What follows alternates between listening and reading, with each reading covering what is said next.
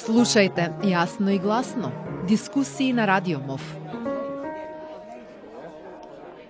Од волшебно застарување на судски случаи против високи функционери преку чудесни пресуди и уште почудни изговори. До последниот блам со играта на тронови во судскиот совет и дисциплинирањето обвинител за тоа што се одважи јавно да проговори дека нешто е труло во обвинителскиот двор. Македонското правосудство скока од скандал на скандал и само докажува дека ја заслужува ниската доверба која граѓаните ја имаат во нив, која на анкетите е во едноцифрен процент. Додека судските власти постојано апелираат дека проблемите треба да се ги решаваат во својот двор, сепак лошата состојба во правосудството предизвикува потреси во цела држава и еден од главните фактори за демократското назадување во извештаите на меѓународните организации. Моето име е Даниел Евросимовски, а во оваа нова епизода на дискусијата јасно и гласно на Радио МОВ разговараме за тоа како се најдовме во оваа ситуација, како овие проблеми влијаат врз младите од земјава и кои се решенијата за барем минимално подобрување на работите во оваа област. На овие теми задоволство ми е а, да ги а, представам. Разговараме со Лейла Тутич од коалицијата Сите за правично судење и Гоце Коцевски од Македонското здружение на млади правници. Благодарам што присуствувате на, на а, оваа дискусија. Најпрво, едно прашање до двајцата, така би започнал, еден ваш коментар кога се појавува анкета со која се мери довербата на граѓаните во институциите, судската власт речи си секогаш може да се најде на дното на листата. Последната анкета на ИРИ од крајот на минатата година покажа дека само 4% од македонските граѓани имаат целосна доверба во судството и само 3% во јавното обвинителство. При вакви катастрофални бројки, колку во земјава може да зборуваме за правосудство или пак за криво Лейла, може со тебе па потоа. Може. Може да. Благодарам Даниел најпрво во мое лично име и во името на коалицијата за правечно судење за поканата и за можноста денеска да бидеме дел од ова оваа дискусија. Кога станува збор за анкетите и резултатите во поглед на довербата или недовербата на граѓаните во правосудството и како што сам ја спомна релевантната анкета на ИРИ од минатата година, видовме дека согласно тие резултати јавното обвинителство и судството а, на некој начин а, добија а, изедначени резултати во поглед на тоа колку граѓаните имаат доверба во овие две клучни институции во правосудниот а, сектор. А, без разлика, при тоа не правејќи разлика да, а, во поглед на оние проценти на граѓани кои што целосно веруваат на овие институции и оние кои што делумно веруваат во, во овие две институции ќе се согласиме дека а, навистина а, се поразителни тие резултати од а, анкетата. Меѓутоа, она што би сакала јас да го напоменам е дека недовербата кај граѓаните во правосудниот сектор а, очигледно е дека во најголема мера произлегува а, врз основа на оние медиумски експонирани а, предмети во, а, во пракса кога велам медиумски експонирани предмети, мислам на оние предмети во кои што се инволвирани високи, било да се сегашни функционери или а, поранешни а, функционери, а, политичари или ти влијателни лица од а, бизнес секторот. А, односно предмети во кои што секогаш постои обид да се избегне а, утврдувањето на кривична одговорност, на начин што судските постапки траат исклучително исклучително долго до степен да а, настапи апсолутна застареност во кривичниот прогон во конкретните предмети. А, не смееме да заборавиме дека ние сме а, држава во која што тоа влијание а, во судството беше, односно во целиот правосуден сектор, особено во судството, беше документирано и со аудио снимки во еден предходен а, период и не треба да не зачудува впечатокот на граѓаните а, што едноставно тие немаат доверба во правосудниот а, сектор со оглед дека а, сите случувања кои што се поврзани со овие а, предмети а, од јавен интерес, а, граѓаните некако ги поврзуваат со содржината од тие аудиоснимки аудио снимки кои што а, беа јавно пласирани и во чија што содржина директен увид има и самите граѓани, односно тие а, има можност да се запознаат со содржината од тие а, од тие снимки. А, за крај само би кажала уште една работа, а, сметам дека ова не би требало да ја наруши глобалната слика за а, судството, од причина што а, овие медиумски експонирани предмети на некој начин ги засенуваат сите оние други судски а, постапки а, во кои што биле донесени а, законите одлуки и кои што станале правосилни откако предходно биле проверени од страна на повисоките судски инстанции во смисла на апелациониот суд и во определени случаи Врховниот суд на Република Северна Македонија. Гоца? А, бројките се а, поразителни, во тоа се целосно согласувам. А, поразителни се до степен да самиот легитимитет на судството да одлучува во спорови, да одлучува за кривични дела, е доведен а, во прашање, имајќи во предвид дека а, нели сите пресуди се изрекуваат во граѓаните на Република Македонија, па кога имате толку ниска добрава се поставува прашање дали на вистина пресудите се изрекуваат во, во, во нивно име. Сепак јас би ги зел со со резерва податоците од од анкетите, иако се согласувам целосно дека довербата е особено ниска,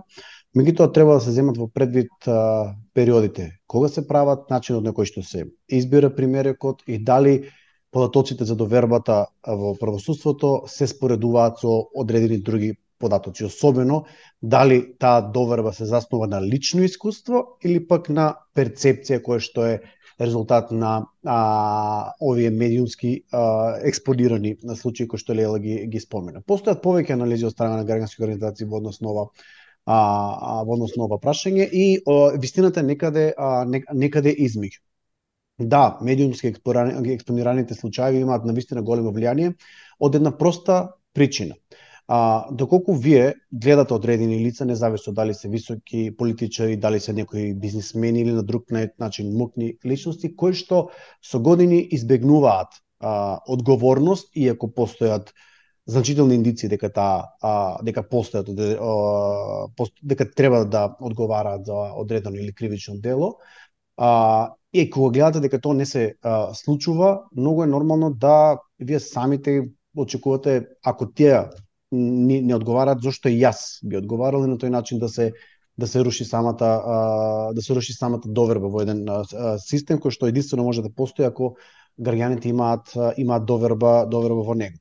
Меѓутоа, од друга страна, и самите искуства на граѓаните, се во зависност за кои видови на предмет, исто така имаат имаат влијание. А, многу често,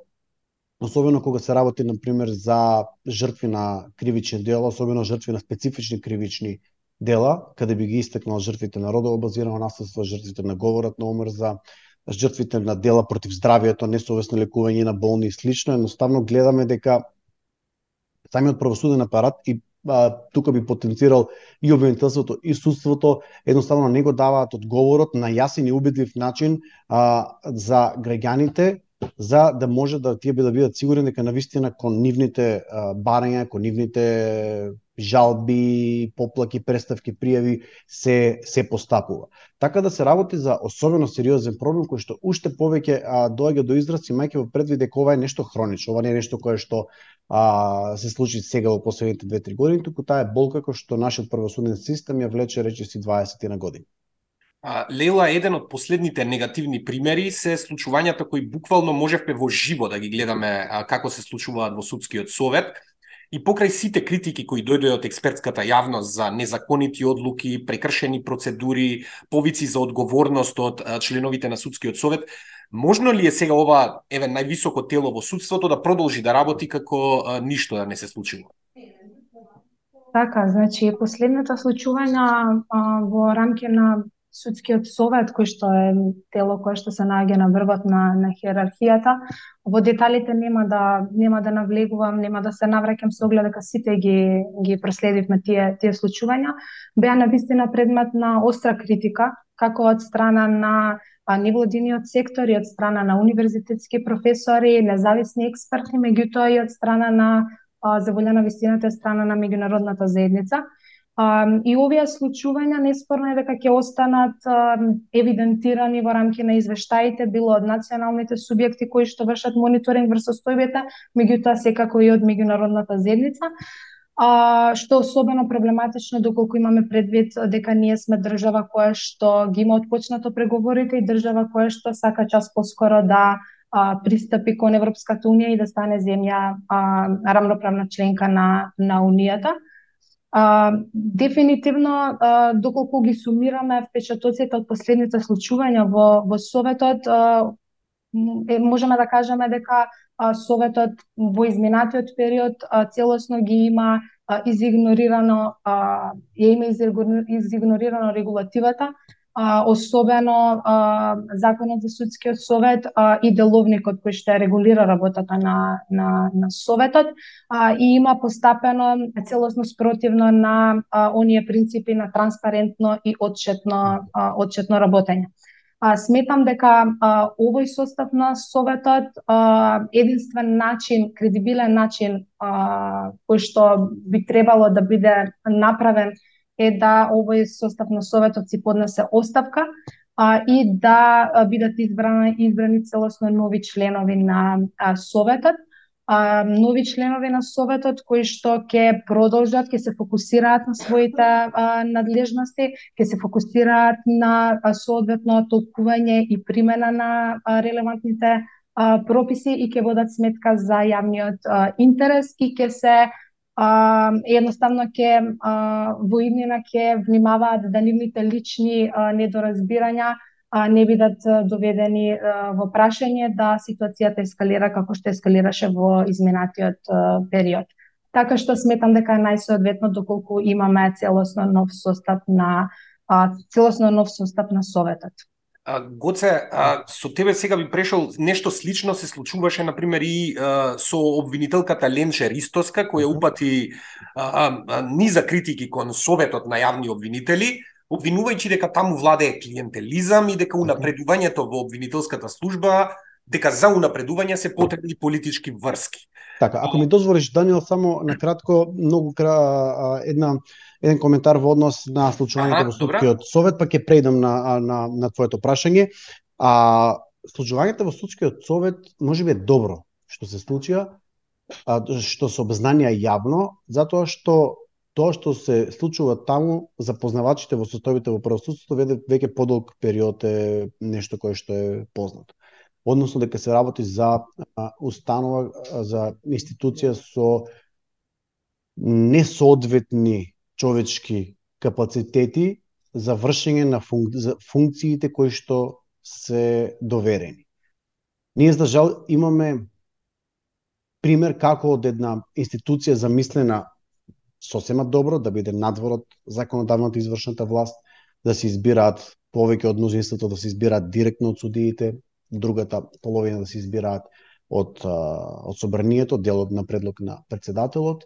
Меѓутоа повторно во праксата тоа се извитопери. И важно е да се идентификуваат причините зошто ова се случи. Ова се случи пред се затоа што политичките партии не сакаат да ги пуштат а, своите пипци од, од судството. Значи, самото решение во Уставот вели дека членовите на судскиот совет кои што не се суди треба да се избираат од редот универзитетските а, професори по право, од редот на адвокатите или од редот на другите истакнати правници. Ако ги видиме биографиите на најголем дел од лицата кои што се избрани од страна на собранието, ќе забележиме дека таму нема универзитетски професор по право, таму има тук и таму од некој адвокат, меѓутоа без значителен професионален успех и и немаме правници кои што си имаат и стакнато, дали со теоретска, дали со практична работа, дали со пишување на статии и трудови. Така да и тоа го направи го доведе до оно што се случи сега. Такво незнаење на правилата кои што уредуваат вашата собствена институција едноставно не доведе до состојбата во која што се наоѓаме сега и искрено јас се надевам дека да единствено решение кое што а, за правниот систем е било соодветно е а, колективна или индивидуална оставка, меѓутоа искрено сум скептик дека тоа ќе се случи. Во однос на вашето следно а, прашање, ова уште еден пример како а, институциите наместо да потикнуваат а, транспарентност, наместо да потикнуваат отворено зборување за проблемите, тие се обидуваат на еден мек начин тоа да го санкционираат, дали преку вметнување на одредби во етички кодекс, дали преку различни јавни прозивања. А, суштината на проблемот во однос на Советот на јавни обвинители е што обвинителката која што вие спомнате, обвинителката Ленча Истовска, откри нешто за кое што досега а, барем во тие кругови не беше нешто кој што засмета дека треба да се збори јавно. Значи тоа е нешто кој што сите тие многу добро го знаат, случувањето и трговијата со влијание, меѓутоа никој не се дрзна тоа да го каже јавно. Е сега, со самото околност дека ова обвинителка тоа го искаже јавно, настана проблем затоа што одстапува од една парадигма на однесување во рамки на правосудството во, во кое што не се зборува јавно за проблемите со кои што се чуваме. Меѓутоа, интересот на јавноста овде превагнува и претежно. Значи, интересот на јавноста е да биде информирана, особено имајќи ги во предвид бројките со кои што го почнавме разговорот, особено имајќи ги во предвид дека се работи за институции кои што треба да оживаат целоса довер. А доверот без транспарентност е невозможно да се оствари. Ако може јас, да, така? само по однос на изјавата на обвинителката Ленче би додала само дека и наведум слични изјави имавме од предходните две председателки на, на судскиот совет и навистина сметам дека овие наводи треба да бидат земени да. предвид и доколку се посочат а, конкретни факти да се испита и веродостојноста на веродостојноста на истите страна на надлежните институции и сметам дека секој еден кој што има било какви сознанија за нерегуларности во работењето на било кое тело и институција апсолутно треба да му се даде можност да ги искаже своите ставови и размислувања и да нема никакви последици по него после тоа. Особено што мислам дека ова, ако не се лажам, ова изјава беше дадена за време на научна а, конференција, да. во која што обвинителка тупати јавни критики до, до Советот, па потоа они на некој од наредните седници дури иницираа постапка а, поднос на оваа обвинителка, токму во делот на низиното а, излагање до етичкиот совет, кој што понатаму ќе се цени дали има прекршувања на одредбите од етичкиот кодекс. Лела, предходно ги споменавме оние високо профилни случаи кои ја брануваат македонската јавност последниве неколку години. По бомбите и шарената револуција, главна парола во државава стана нема правда, нема мир. И покрај десеттици и десеттици вакви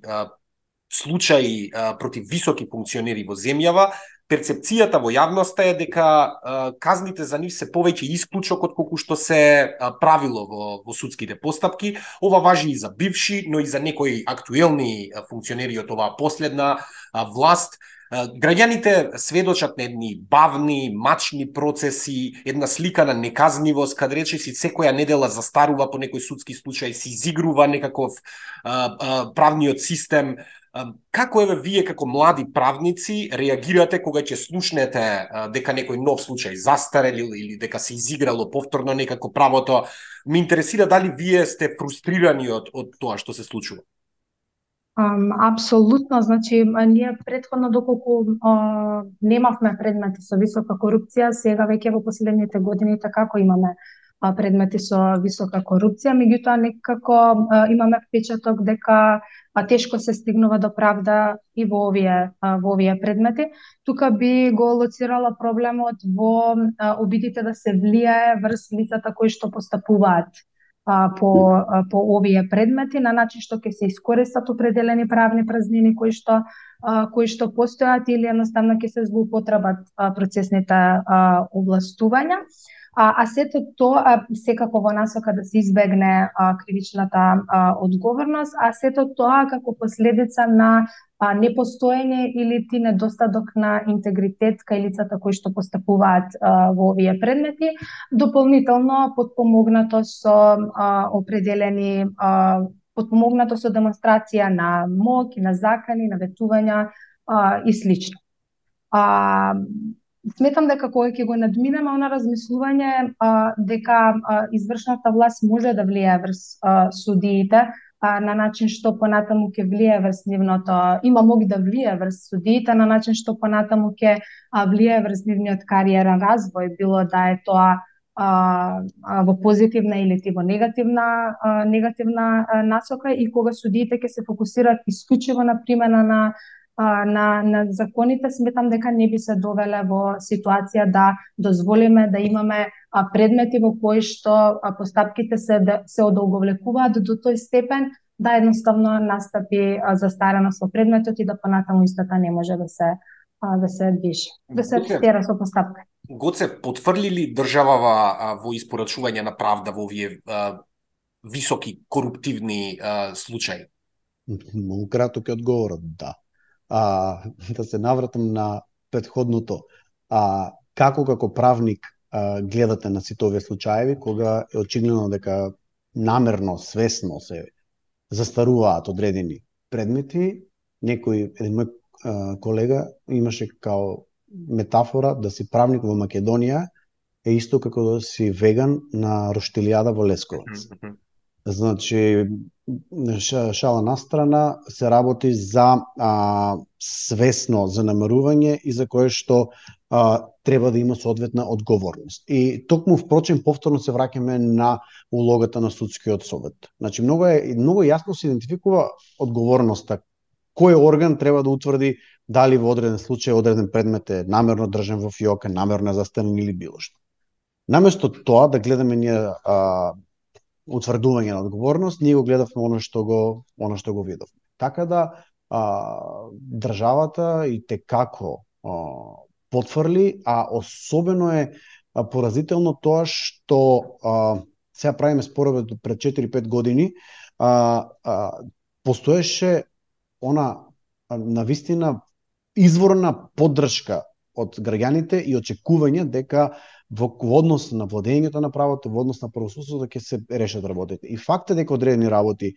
особено во однос на законската рамка се подобрија, меѓутоа одсуствува и ова ќе го кажам најотворено, одсуствува искрена политичка волја за надминување на а, на проблемите и дополнително она кое што јас го очекував, а го гледам се изјавува јавно и од други а, практичари, професори по право, а тоа е дека и самите суди и обвинители треба да се завршат дел од работата. Тие треба да бидат многу погласи, да не бидат само изолирани изјави како што беше случајот на обвинителката Ристева, туку треба да бидат малку по-артикулирани во однос на а, реагирање на вакви случувања, затоа што нивната професија е доведена во прашање, поточно низинот углед.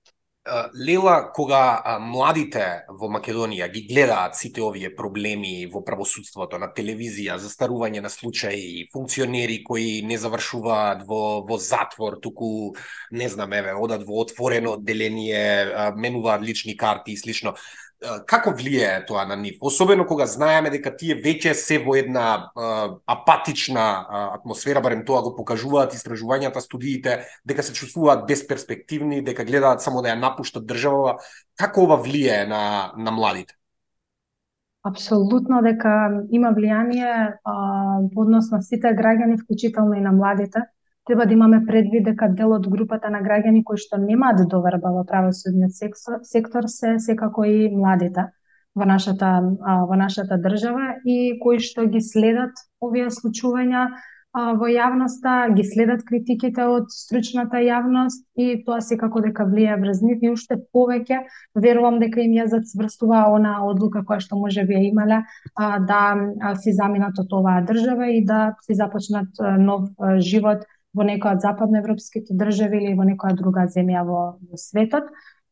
а, што е на вистина многу лоша состојба и мислам дека недоволно се говори за владите во, во државата, а секој млад човек секако дека избира да живее и да функционира во држава во која што законите се а, применуваат, а, држава во која што сите се еднакви пред законот и држава во која што постои правна сигурност и едно, едноставно кажано држава во која што владее а владее правото. А, по однос на овој дел јас би спомнала уште една работа, тоа е тоа се младите правници, бидејќи јас сум а, релативно млада и сум од последните генерации, условно кажано, што завршија правен факултет при Јустинијан први И за мене како млад човек е навистина поразителни,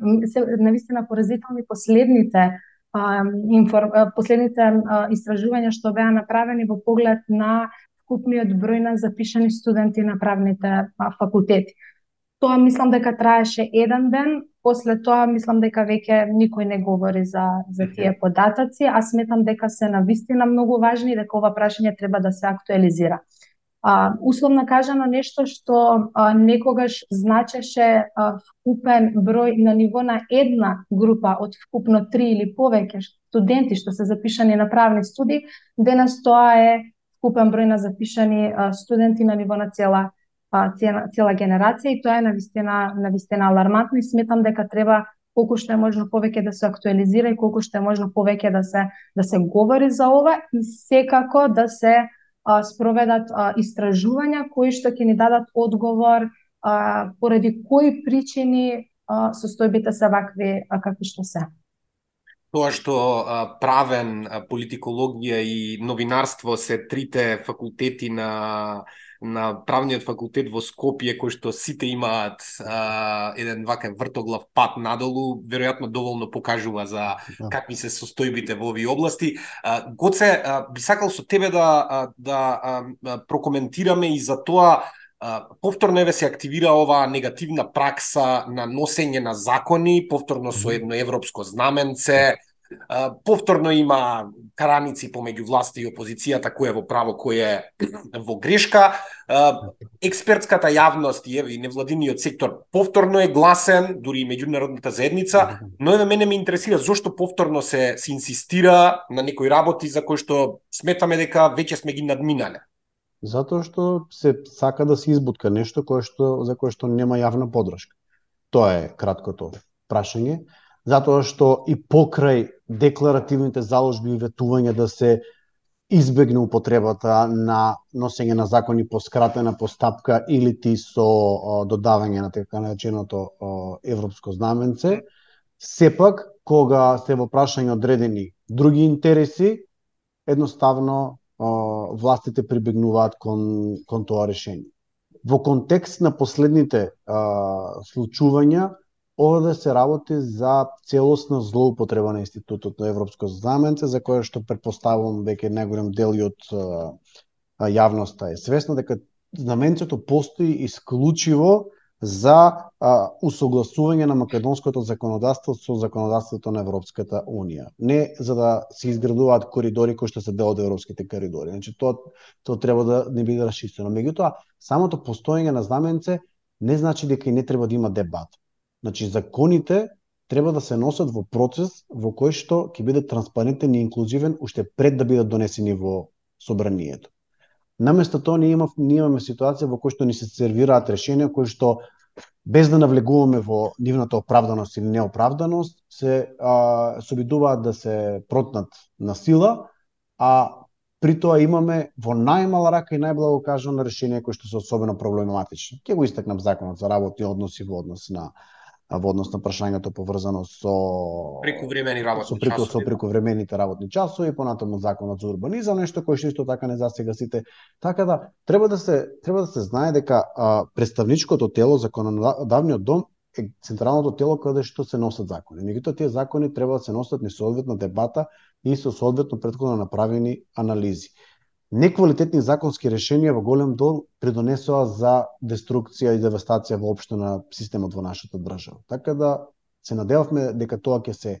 спречи, дека нема да се случува, меѓутоа еве, за жал праксата продолжува и понатаму. А, за самиот крај на, на оваа дискусија, а, Лейла и Гоце, а, за двајцата едно прашање, а, кои еве според вас се необходните реформи, кои се необходните реформи кои треба да се направат за правосудството да се стави на некој колосек и да да тргне на позитивен во позитивен правец а, работава. Знам дека често аргументите на пример на власта се е за некои работи ни треба двотретинско мнозинство, немаме не знам консензус, немаме ова, немаме она. Може ли воопшто да се решат овие проблеми во правосудството? И кои се вашите предлози? Еве Лейла па па Коце. Да, можам, можам јас. А, значи, ние како држава сме некако препознатливи по тоа дека постојано носиме некакви а, стратегии, постојано планираме во која насока ќе се придвижат а, работите, кон што целиме како држава, а, планираме определени активности кои што сакаме да ги а, да ги имплементираме, доставуваме нели прилог а, акцијски планови за стратегијата, меѓутоа она што отсуствува се промени. А, промени во вистинска смисла на а, на зборот. А, и искрено сметам дека треба да бидат направени неколку неколку работи. А, сметам дека треба да се направат измени во во регулативата, во оние делови во кои што ќе биде укажано дека истите се предмет на злоупотреба на од страна на странките во постапката. Сметам дека треба да се направи а, објективна а, селекција на кандидати при влез во Академијата за суди и јавни обвинители, меѓутоа и потоа при нивниот избор од страна на судскиот совет и советот на јавни обвинители, а, како кадар кој што ќе ги пополни овие а, судски места и јавно обвинителски а, места, Сметам дека треба да се а, да се воедначи судската практика, бидејќи ние на вистина имаме невоедначена судска практика, ние тоа го гледаме и од мониторингот на судски постапки кои што како организација континуирано го а, го спроведуваме и тоа таа невоедначеност на судската практика не е само на ниво на различни апелациони подрачја, туку е евидентно дека постои на ниво на едно апелационо а, подрачје, така што на тоа дефинитивно ќе мора да се работи, ќе мора да се работи на подигнување на свеста, а, односно нивото на интегритет кај судиите и јавните обвинители, како што кажав и предходно во, во оваа дискусија, сметам дека или интегритетот отсутствува или постои недостаток на интегритет кај судиите и јавните обвинители кои што постапуваат а, по овие предмети а, на начин што истите ќе имат еднаков пристап во предметите, без разлика кој се јавува како странка во а, во постапката и а, се со цел да на тој начин а, и се даде до знаење на јавноста дека правдата е достижна а, и дека никој не може да ја избегне благодарение на функцијата која што ја обавува во моментот или која што ја обавувал предходно а, врз база на неговиот статус во општеството или ти а, материјална состојба. Гоца? А, нема едноставно решение да имаш едноставно од сега ќе го знаевме, ќе го имавме. Она што е особено важно е граѓаните да бидат што е можно поактивни и да ги казнуваат политичките елити за ова што се случува. Меѓутоа, реалистични да бидеме, тоа е навистина тешко да се а, тешко да се случи во краток рок. А, тоа што може да се случи е да се бара оставка од, од институциите да се зајакне надзорната функција над парламентот над извршната власт, извршната власт да ги обезбеди условите кои што се необходни за работа на, на судското, пред се однесува на, на, на, на судскиот буџет и да има што е можно поголема јавност во однос на изборот на членовите на на пример на членовите на судскиот совет и членовите на советот на јавни обвинители. Значи нивниот процес да биде јавен, а, нивната работна биографија да биде а, а, на, ставена на увид на целокупната јавност на еден начин слично на кој што се избираат членовите на антикорупцијската комисија во едно интервју кој што би го спроведувале органите кои што ги бираат собранието во, во овој случај И ова би требало да доведе до поквалитетни кандидати. Меѓутоа, повторно потенцирам, проблемот е многу подлабок и работата е суштинското прашање како а, да се примораат политичките партии да ги тргнат раците од правосудството. Како?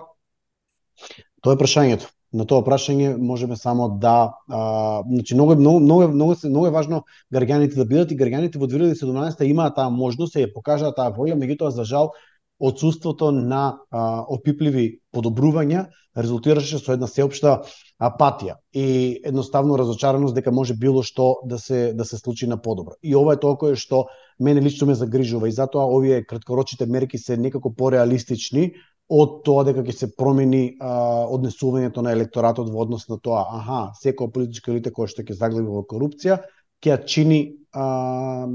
ќе ја чини губење на следните избори. Кај нас кога немаме разрешување на скандалите за корупција, правно разрешување, немаме причина зошто да очекуваме дека ќе има и политичко и едноставно се вртиме во еден а, магичен круг.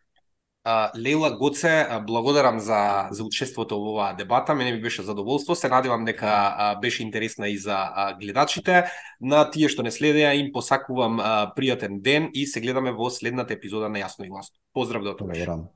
Благодарам. Слушајте Јасно и гласно. Дискусии на Радио МОВ.